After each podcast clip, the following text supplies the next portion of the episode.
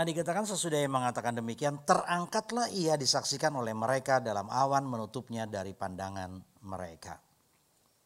Nah dikatakan dia terangkat dan hal yang sama, dengan cara yang sama dia akan datang yang kedua kalinya, tapi dengan cara yang sama pula saudara dan saya akan diangkat. Jumpa dengan dia di awan-awan. Ya. Nah, dalam 1 Timotius 3 ayat 16, dikatakan begini, dan sesungguhnya agunglah rahasia ibadah kita, dia yang telah menyatakan dirinya dalam rupa manusia dibenarkan dalam roh, yang menampakkan dirinya kepada malaikat-malaikat, diberitakan di antara bangsa-bangsa yang tidak mengenal Allah, yang dipercaya di dalam dunia, diangkat dalam kemuliaan.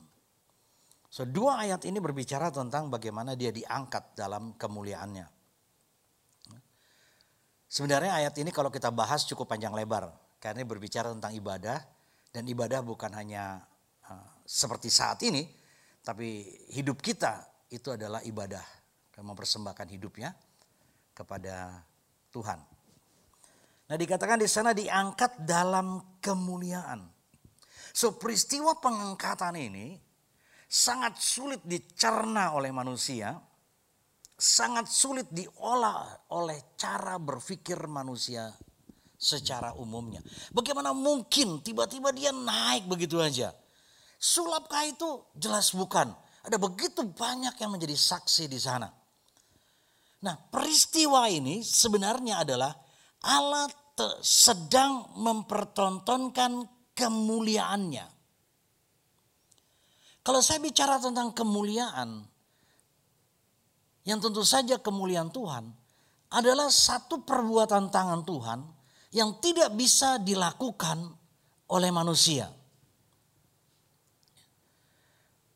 Firman Tuhan menggambarkan begini, mari lihat langit, mari lihat bumi, mari lihat bintang, mari lihat bulan, menggambarkan kemuliaan Tuhan.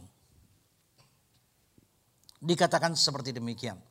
Nah, dia diangkat dalam kemuliaan. Yohanes 1 ayat 14 dikatakan, firman itu telah menjadi manusia dan diam di antara kita. Siapa? Yesus Kristus Tuhan. Dan kita telah melihat kemuliaannya, yaitu kemuliaan yang diberikan kepadanya sebagai anak tunggal Bapa, penuh kasih karunia dan kebenaran. So, kekasih Tuhan, kalau tadi saya sampaikan bahwa kemuliaan Tuhan adalah perkara yang Tuhan buat yang Tuhan lakukan banyak orang menyebutnya mujizat dan sebagainya karena memang di luar daripada uh, daya pikir manusia, di luar daripada kemampuan manusia. Tapi ayat ini mengingatkan begini, bahwa kemuliaan Tuhan sebenarnya tidak jauh dari saudara dan saya. Kemuliaan Tuhan itu tidak jauh dari saudara dan saya. Dalam Mazmur 24 ayat ke-10 dikatakan, siapakah dia itu raja kemuliaan? Tuhan semesta alam, dialah raja kemuliaan. Kekasih Tuhan dari tiga ayat ini kita menyadari bahwa Yesus Kristus adalah raja kemuliaan dan dia diam di tengah-tengah kita. Dia ada di tengah-tengah kita. Ayat 14 dari Yohanes 1 menggambarkan begini, bahwa kita telah melihat kemuliaannya. So berbicara tentang melihat kemuliaan, berarti gini, kita melihat perbuatannya yang ajaib. Berbicara tentang melihat kemuliaannya, kita melihat perbuatan tangannya, kita melihat dalam hidup kita sehari-hari bagaimana tangan Tuhan selalu menopang kita. Bagaimana Tuhan tidak pernah jauh dari kita. Ada banyak pemulihan-pemulihan yang dialami oleh banyak anak-anak Tuhan, sebenarnya adalah kemuliaan yang dinyatakan di tengah-tengah kita. Sebenarnya itu semua adalah kemuliaan Tuhan yang dinyatakan di tengah-tengah kita. Nah ada banyak orang Kristen begini, wah kalau lihat kemuliaan itu mereka menggambarkan sesuatu yang luar biasa. Oh yes, seperti lumpuh berjalan, ya itu kemuliaan Tuhan. Seperti misalnya orang lumpuh 38 tahun, Tuhan menyatakan kemuliaannya. Kemudian ada juga seseorang yang sakit, kemudian para murid itu memperdebatkan. Apakah ini karena kesalahan orang tuanya? Apakah ini karena dosa? Tuhan Yesus bilang gini, bukan itu, tapi kemuliaan Tuhan harus dinyatakan lewat hidup orang itu. So, kekasih Tuhan, waktu dikatakan kita melihat kemuliaannya, satu perkara bahwa Tuhan ingin memperlihatkannya kepada saudara dan saya. Nah waktu dia diangkat 500 orang menyaksikan, Mereka melihat kemuliaan Tuhan. Tapi mereka cuma melihat dari jauh. Tapi ayat ini mengingatkan bahwa raja kemuliaan itu ada di tengah-tengah saudara dan saya. Kalau saudara perhatikan di dalam kitab keluaran pasalnya yang ke-33. Pada waktu itu bangsa Israel karena ditinggal oleh Musa selama 40 hari, 40 malam karena Musa harus naik ke gunung Tuhan. Mereka seperti anak ayam yang kehilangan induk. Mereka mencoba membuat Tuhan sendiri melalui lembu tuangan. Mereka kumpulkan emas dan sebagainya. Kemudian dibuatlah lembu dari emas. Dan kemudian mereka memuja-muja, mereka menari-nari dan Tuhan begitu marah pada waktu itu. Dan kemudian Tuhan bilang begini, aku tidak akan menyertai engkau. Dan pada waktu Tuhan bicara itu dan Tuhan bicara lewat Musa. Musa menangkap pentingnya perjalanan bersama Tuhan. Dan kemudian dari pembicaraan itu Musa bilang begini, kalau engkau tidak menyertai kami, kami tidak akan mau. Tuhan bilang, malaikat akan menyertai kamu. Enggak, kami tidak mau. Kami mau kamu. Kami kami cuma mau engkau ya Tuhan. Dan akhirnya Tuhan bilang begini, baik aku akan menampakkan kemuliaanku. Tapi aku akan berbalik memalingkan wajahku. Jadi kekasih Tuhan, kalau bicara kemuliaan Tuhan sebenarnya berbicara tentang wajah Tuhan. Itu sebabnya pada waktu dikatakan kita melihat kemuliaannya, sebenarnya berbicara hal yang sangat sederhana bahwa hanya saudara dan saya kekristenan di mana kita berjumpa dengan Tuhan sendiri. Itu sebenarnya kemuliaan. Nah dia menyatakan dirinya kepada saudara dan saya. Oke simpan ini dulu, simpan ini dulu. Ya, simpan ini dulu.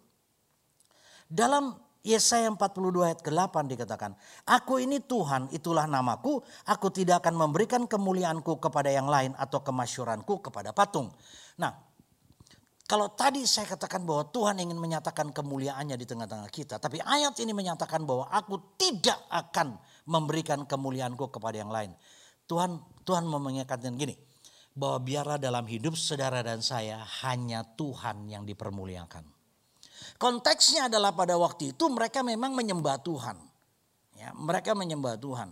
Nah Tuhan cuma bilang gini, hanya aku yang layak dimuliakan. Hanya aku yang layak ditinggikan.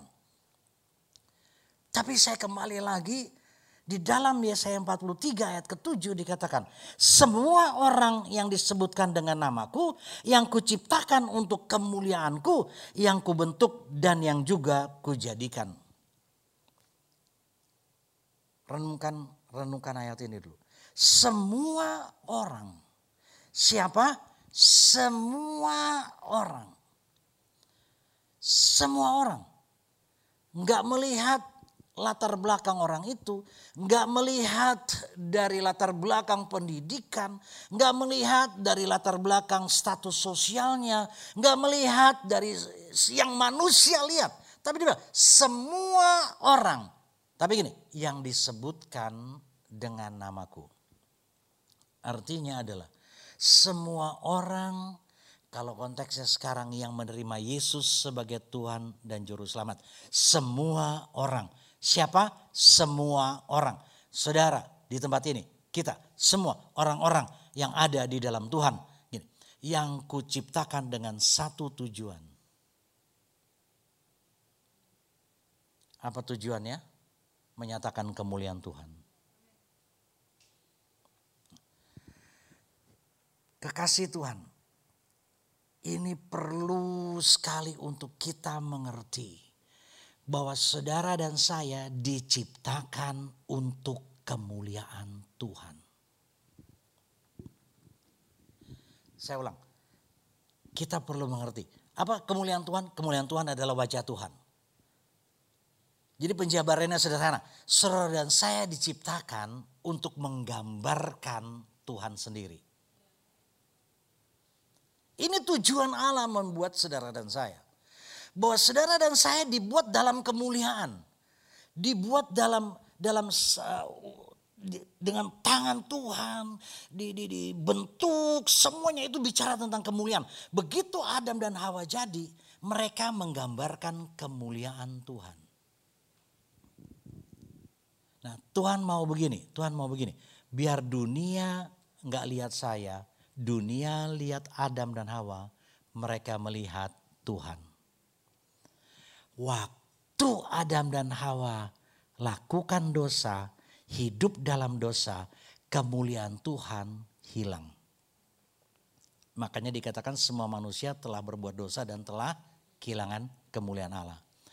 Kemudian Tuhan Yesus datang sebagai manusia. Dan gini sederhana, supaya waktu orang lihat aku kata Tuhan Yesus, mereka melihat Bapa. Nah pada waktu saudara dan saya diciptakan untuk kemuliaan Tuhan, supaya orang lihat saudara dan saya lihat kemuliaan Tuhan. Oke, saya berhenti sampai di sini. Semua perbuatan Tuhan adalah menyatakan kemuliaannya. Oke. Okay? Perbuatan Tuhan dalam hidup saudara dan saya menyatakan kemuliaannya. Nah yang Tuhan mau adalah, karena di dalam Yesaya 30 ayat 18 bahwa Tuhan belum selesai. Artinya begini, Tuhan sudah merangkai hidup saudara, dia karyanya selesai di atas kayu salib, tapi roh kudusnya terus bekerja untuk membawa saudara dari satu level kemuliaan kepada level kemuliaan berikutnya. Apa sih arti kata kemuliaan? Oke. Dalam perjanjian lama disebut kabot. K-A-B-O-D. Dalam perjanjian baru disebut doksa. Dua-duanya punya arti yang sama, punya muatan yang sama. Jadi bahwa kita hidup dalam damai sejahtera Allah itu menyatakan kemuliaan Allah. Kita hidup dalam eh, jalan-jalan Allah, kita menyatakan kemuliaan Allah. Tapi dua hal ini, kabut dan doksa, ini berbicara tentang bobot. Bicara tentang bobot. Saya coba sederhanakan sekarang. Ya, saya coba sederhanakan. Gini, bahwa yang Tuhan mau dalam hidup saudara dan saya adalah kita menjadi orang-orang yang berbobot. Uh, Pak, ini pandemi bobot saya naik 5 kilo Pak. Yang satu bilang bobot saya naik 10 kilo Pak. Apakah itu menyatakan kemuliaan Tuhan? Sebentar. Yang satu bilang begini, Pak pandemi ini berat saya malah turun Pak. Karena mikir waduh ruwet Pak maka bobot saya turun. Bukan itu maksudnya. Orang yang kehilangan kabot disebut ikabot. Ya, orang yang kehilangan kabot disebut ikabot itu dalam kitab Samuel saudara dapat itu. Nah maksudnya sederhana. Sekarang saya coba sederhana. Bahwa saudara dan saya menciptakan, saudara dan saya diciptakan oleh Tuhan untuk menyatakan kemuliaan. Maksudnya gini, jadilah orang Kristen yang berbobot. Itu aja.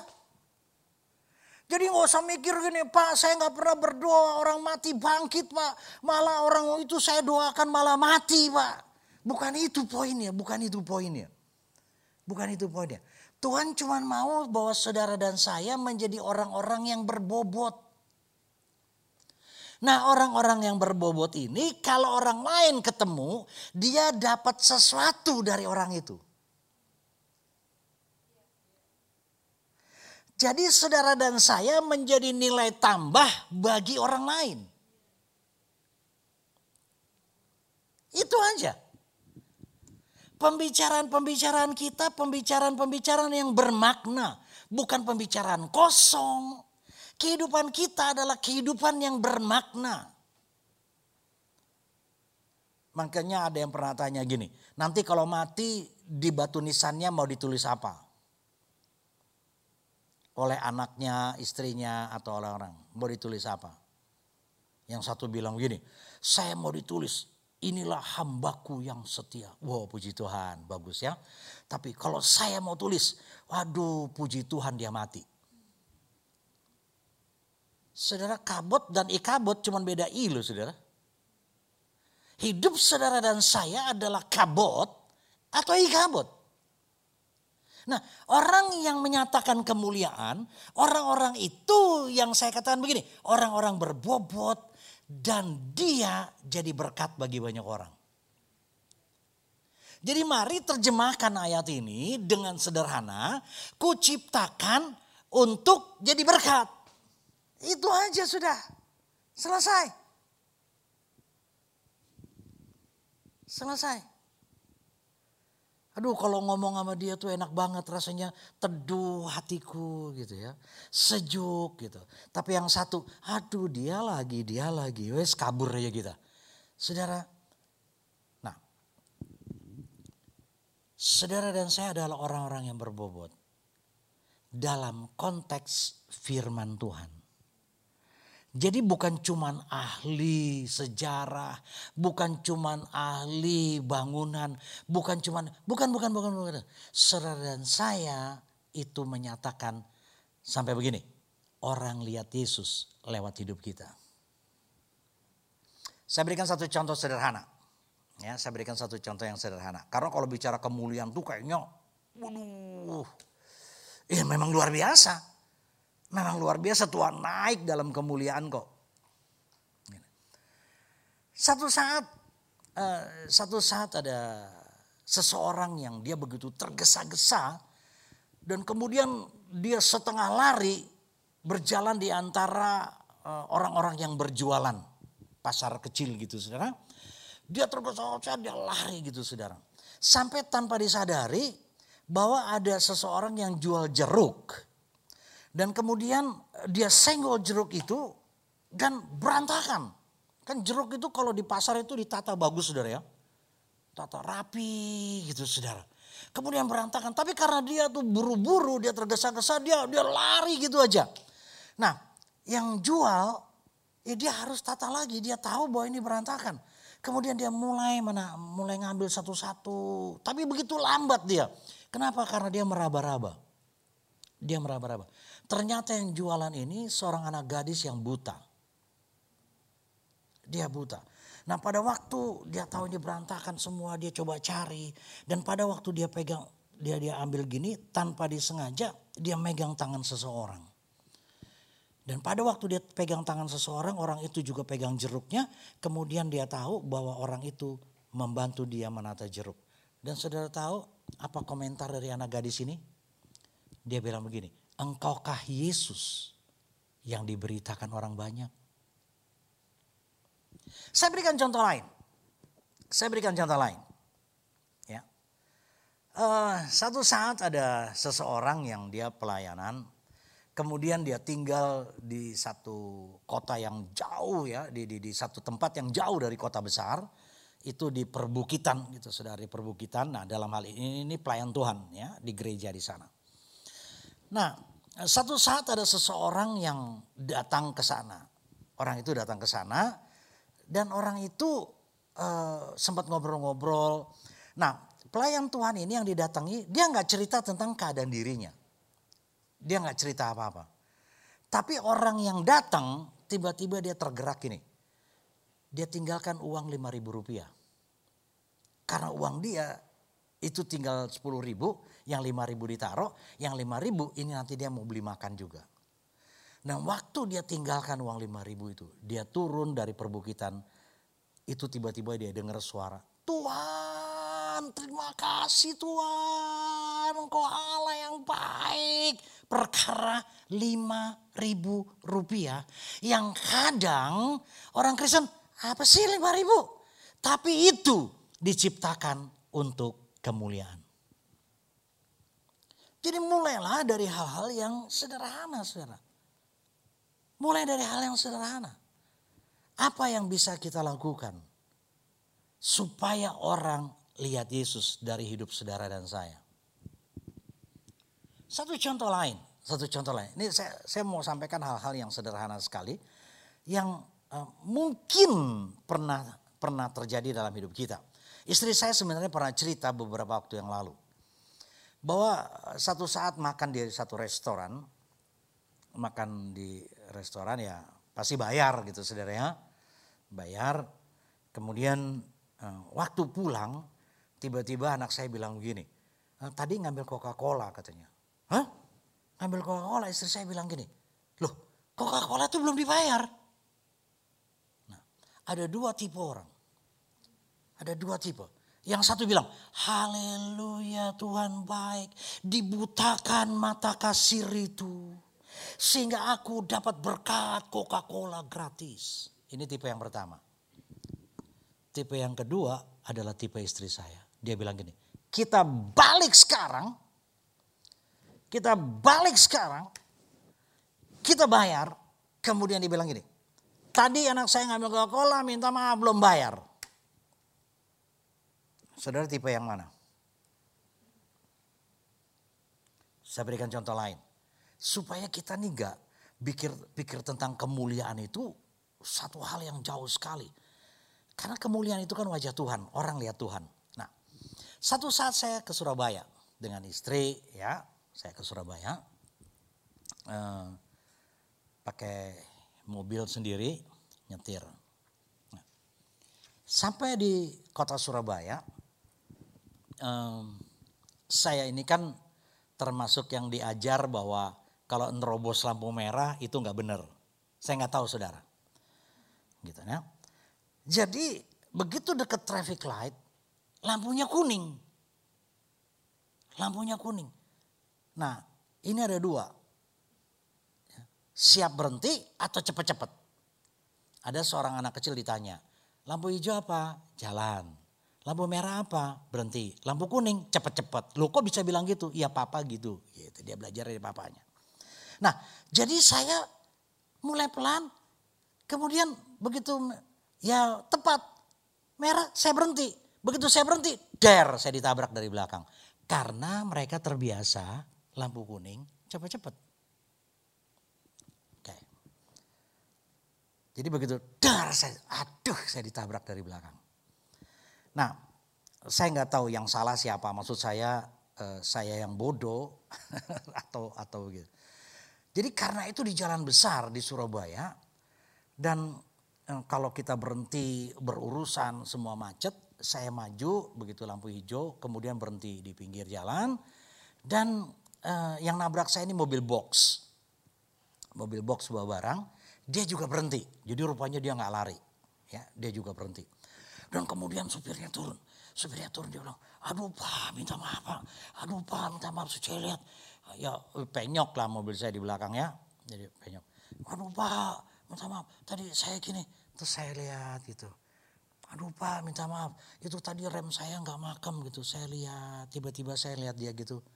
Terus muncul apa rasa kasihan gitu.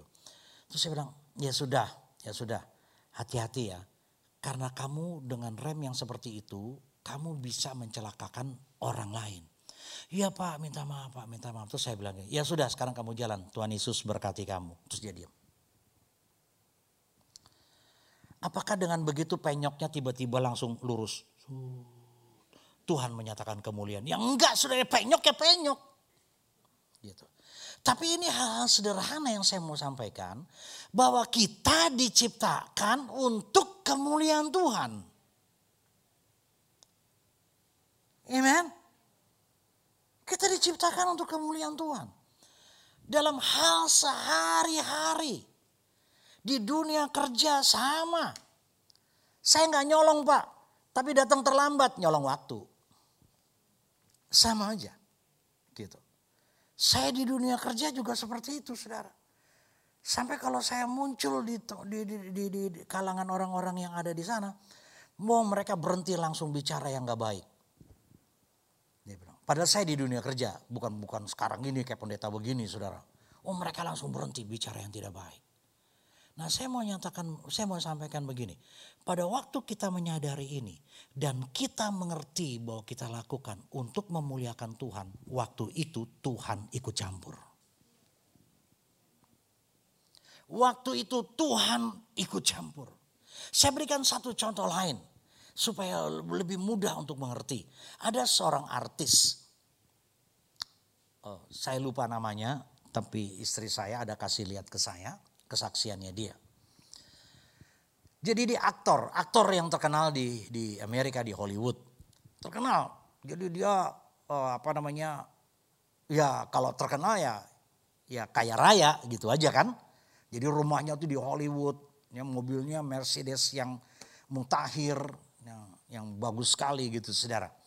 Nah sampai satu saat uh, dia dia apa dia dapat langsung dari Tuhan bahwa dia perlu menyatakan imannya.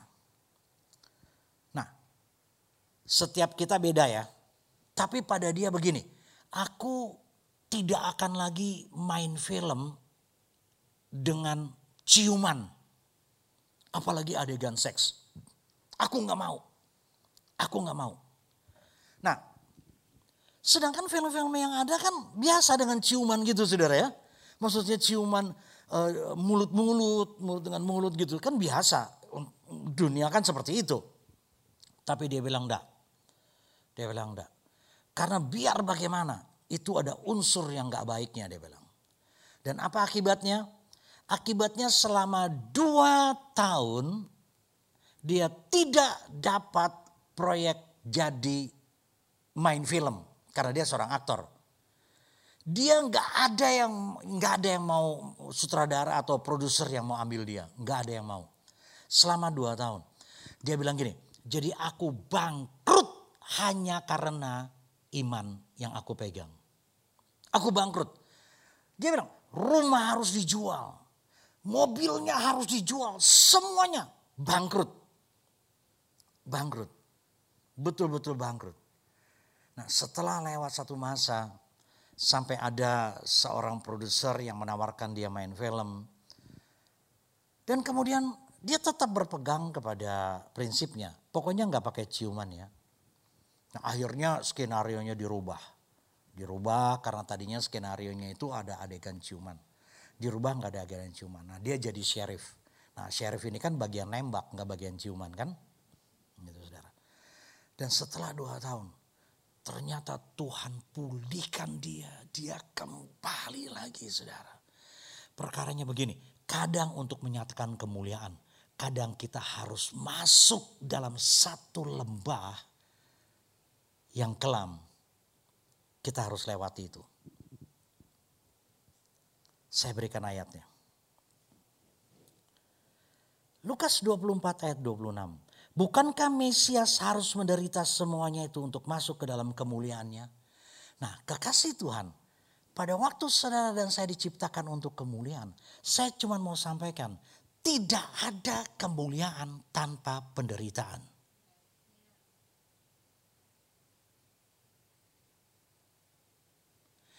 Tidak ada kemuliaan tanpa penderitaan.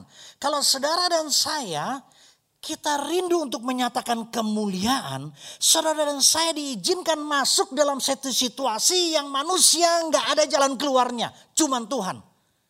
Gak ada jalan keluarnya. Sakit kah yang gak ada jalan keluarnya. Masalah kah, bangkrut kah yang kita bilang gak ada jalan keluarnya. Harus lewat itu. Kalau gak lewat itu, kemuliaan Tuhan tidak dinyatakan.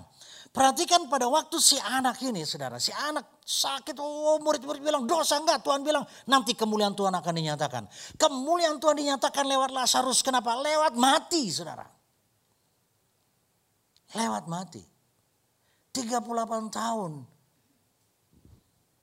Orang itu lumpuh di tepi Bethesda. Harus lewat penderitaan. Nah kalau saya mau coba sederhanakan, makanya gini, makanya orang tuh kadang-kadang orang Kristen ngomong kemuliaan itu enteng banget saudara ya. Tapi saya cuma mau bilang bahwa tanpa kemuliaan, gak bisa saudara. Tanpa kemuliaan saudara dan saya keluar dari rancangan Tuhan. Tapi tanpa penderitaan saudara dan saya nggak bisa masuk dalam kemuliaan.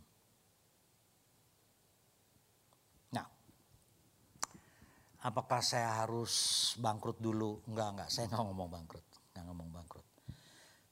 Mari saya terjemahkan penderitaan. Oke. Okay? Penderitaan tuh gini loh, gini loh. Enggak suka baca Alkitab, kalau baca Alkitab tidur terus, terus maksa matanya dipakein korek api, itu kan penderitaan kan? Nah, saudara pelan-pelan berjalan ke sana yang tadinya suka bohong, gak mau bohong. Roh Kudus pasti memampukan saudara. Kemudian kita disakiti oleh seseorang, kita disalah mengerti, kita mengampuni orang itu. Bukankah ini semua penderitaan ujungnya kemuliaan? Tanpa saudara mengeluarkan atau melepaskan sesuatu dari diri saudara, saudara tidak akan bisa melihat kemuliaan. Saya ulang. Tanpa saudara melepaskan hak saudara, saudara nggak akan pernah bisa melihat kemuliaan. Kepemilikan, ya, harga diri, kemegahan, kalau itu tidak dilepaskan, tidak akan lihat kemuliaan. Nggak akan lihat kemuliaan. Termasuk hal-hal yang kecil. Termasuk hal-hal yang kecil. Ya. ya. Kita diajar untuk bayar parkir. Pak, nomor saya P pak, nggak perlu bayar parkir. Iya. Nggak bayar juga nggak apa-apa. Nggak apa-apa. Tetapi saudara, pada waktu kita melakukannya, maka kita akan lihat nanti kemuliaan Tuhan. Tanpa kita sadari bahwa pemeliharaan Tuhan itu pelan tapi pasti. Gak pernah hilang dari hidup saudara dan saya. Pada waktu kita mulai memperhatikan orang. Nah, saya pernah cerita. Bahwa kalau ada orang uh, muka-muka sedih datang ke istri saya bilang tante kita cuma punya ini tante saya udah tahu pasti dibeli pasti dibeli. Nah jadi kadang-kadang waktu dia mau beli dia korek-korek. Ya tinggal ini. Iya dia beli. Tetap nah ini saya mau bilang gini. Tapi saudara kita lihat kemuliaan demi kemuliaan. Pemeliharaan Tuhan itu sempurna. Kalau sudah di lampu merah, ada yang jual kretek, kretek, kretek, kretek, kretek, tante belum laku. Dia, dia turunin kacanya pasti. Itu menjadi bagian dalam kehidupannya. Bahwa waktu dia berani melepaskan sesuatu. Pelan tapi pasti pemeliharaan Tuhan sempurna. Berapa hari lalu? Hari hari Jumat. Hari Jumat. Eh, saya lupa harinya. Uh, mumpung gak direkam kan. Waktu itu beli pizza hari apa? Rabu ya, Rabu apa Jumat? Waktu persiapan. Rabu kan? Nah, jadi hari Rabu itu tiba-tiba saya dapat pizza. Dikasih yang beli anak saya. Cuman yang ini cerita di balik itu. Cerita di balik itu saya dengar gini, tiba-tiba ada yang jual pizza, pizza hut kan? Buyang. Terus ngomongnya gimana? Orang yang jual ngomongnya gimana? Iya kan dia bilang mau beli pizza hut gitu kan. Waduh mau beli. Terus uh, salah satu rekan kita itu bilang, ah nggak usah beli, nggak usah beli. Terus anak saya bilang, kasihan dia. Ya udah, ya beli aja deh. Gitu. Saya kebagian. Terus yang satu ini, ini yang saya mau catat.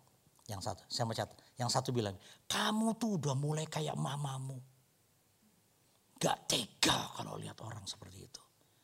Saudara ini hal-hal sederhana, tapi nanti saudara akan lihat kemuliaan Tuhan dinyatakan. Ini hal-hal sederhana. Itu sebabnya saya mau katakan pelit bin mendit nggak mungkin lihat kemuliaan. Nggak mungkin. Nggak mungkin saudara. Karena dikatakan bahwa aku atau mamon, begitu nggak saudara? Untuk untuk saudara ini enak nih, kita saya khotbah begini enak nih. Karena ada banyak yang kalau singgung mamon, ini gereja nyinggung mamon. Oh iya, yang paling bikin orang masuk neraka tuh mamon. Karena cinta akan uang adalah akar segala kejahatan. So kalau kita nggak berani melepaskan apa yang ada pada kita, kita nggak berani korbankan waktu kita untuk kita ibadah seperti ini, kita nggak berani korbankan uh, tenaga kita, pemikiran kita, semuanya. Saya mau bilang, saudara nggak akan lihat kemuliaan, tidak akan pernah lihat kemuliaan, karena kemuliaan Tuhan hanya dinyatakan lewat penderitaan kemuliaan Tuhan hanya bisa dilihat lewat apa yang kita lepaskan.